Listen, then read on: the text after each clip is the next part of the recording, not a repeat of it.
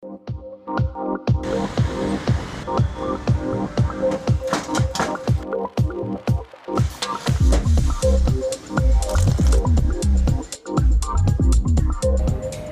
bubur. Ayo cantik, Mbak mampir bubur Madura. Ayo sayang, di bubur Madura ya. Satu. Satu, campur.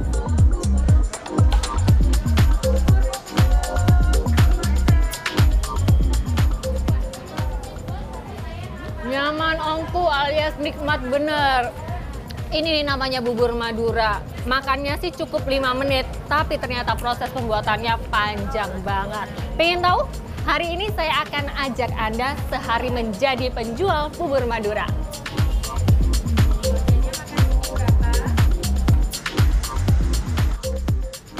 Banyak rupa bubur di Indonesia. Salah satunya di Jawa Timur ada kuliner bubur legendaris yaitu bubur Madura.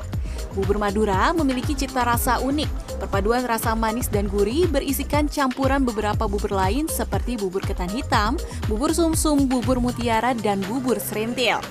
Karena banyak pelengkap, proses pembuatannya bisa memakan waktu satu hari penuh. Kali ini saya mau mengajak Anda mengintip proses di balik manisnya bubur Madura produksi Bu Mariamah, salah satu penjual bubur Madura legendaris Surabaya sejak tahun 90-an. Sekitar pukul 5 pagi, dapur Bu Mariamah sudah mengepul sibuk untuk mengolah bubur Madura. Ini proses bikin bubur Madura. Ternyata gampang ya Bu ya? Gini doang kan? Yang enggak masih panjang lah. Mbak. Masih panjang. Ya. Oke. Ini dicuci lagi Bu? Ya. Oke, saya cuci Sampai lagi ya Bu ya. bersih.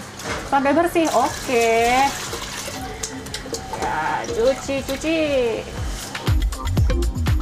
Ketan hitam adalah salah satu bahan untuk pelengkap bubur Madura. Ini yang proses pengolahannya memakan waktu paling lama. Setelah dicuci bersih, ketan hitam harus direndam semalaman hingga mengembang karena itulah harus dibuat paling awal. Jadi ini ada triknya supaya bubur ketan hitam ini nggak cair. Caranya pancinya harus direndam, eh, harus dipanasin dulu nih ya. Baru setelah itu dipindahin.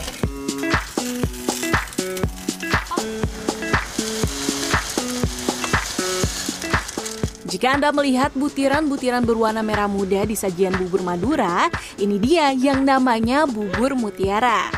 Mutiara berbahan dasar sagu. Kalau ini cukup singkat pembuatannya. Cukup masukkan ke dalam air panas lalu aduk hingga mengembang. Walaupun singkat tapi ada triknya ya. Kalau sekarang ini proses membuat bubur mutiara. Nah ini supaya nggak gosong, ini cara ngaduknya harus cepat. Harus cepat. Kemudian apinya cukup kecil aja.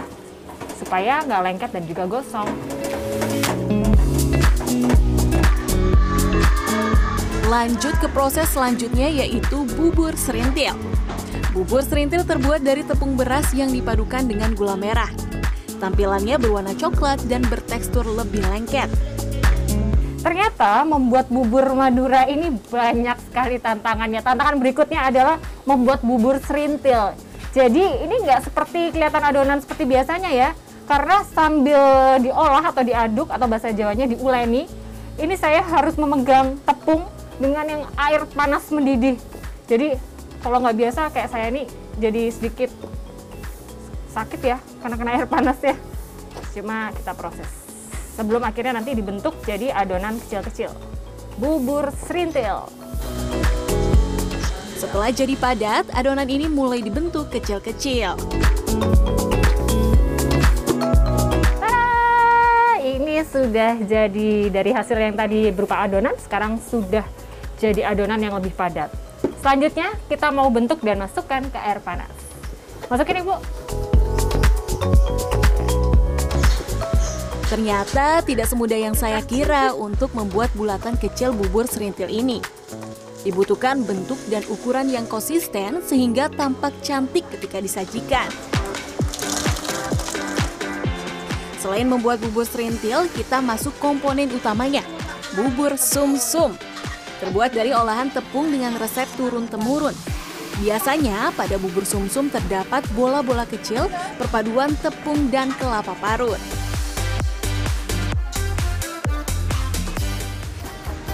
Ada yang unik dalam proses penjualan bubur Madura ini. Biasanya penjualan menggunakan sapaan sayang atau cantik kepada calon pembeli. Tujuannya selain untuk menarik perhatian pembeli, sapaan ini kerap digunakan sebagai simbol keramahan dan keakraban dari suku Madura. Bubur, bubur. Ayo cantik, Mbak mampir bubur Madura. Ayo sayang di bubur Madura ya. Satu. Satu campur. Ini bubur sumsum. Lanjut. Yang ini yang Gendul. serun seruntil ya bu ya. Ya, ya. Nah, ada gula merahnya. Kalau ini bubur mutiara. Oke. Eh. Bubur ketan hitam. Terakhir santan. Terakhir santannya ya. Oke. Bubur talam. Bubur talam terakhir baru disiram santan. Oke. Sendoknya? Sini. Silakan. Oh iya, ini tambahan gulanya ya. Ya, ya.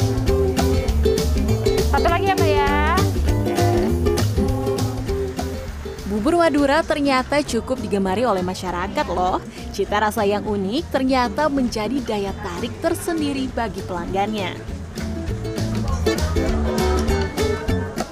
Eh, iya sering banget di sini itu salah satu langganan langgananku de, soalnya kan sekarang nyari bubur Madura itu sangat jarang ya terus eh, untuk rasanya itu manis ya untuk bubur Madura ini terus kalau di pasar Atom ini bubur Maduranya itu eh, untuk kebersihannya juga oke jadi nggak perlu takut-takut lagi untuk kebersihannya gitu sih jadi salah satu langganan Sudah berjualan hingga dua generasi, bubur Madura Bu Mariamah memiliki cukup banyak pelanggan. Bahkan dari luar daerah seperti Jakarta dan Bandung. Setiap hari ia mampu menjual 100 porsi bubur Madura. Satu porsi bubur Madura lengkap dijual dengan harga Rp10.000.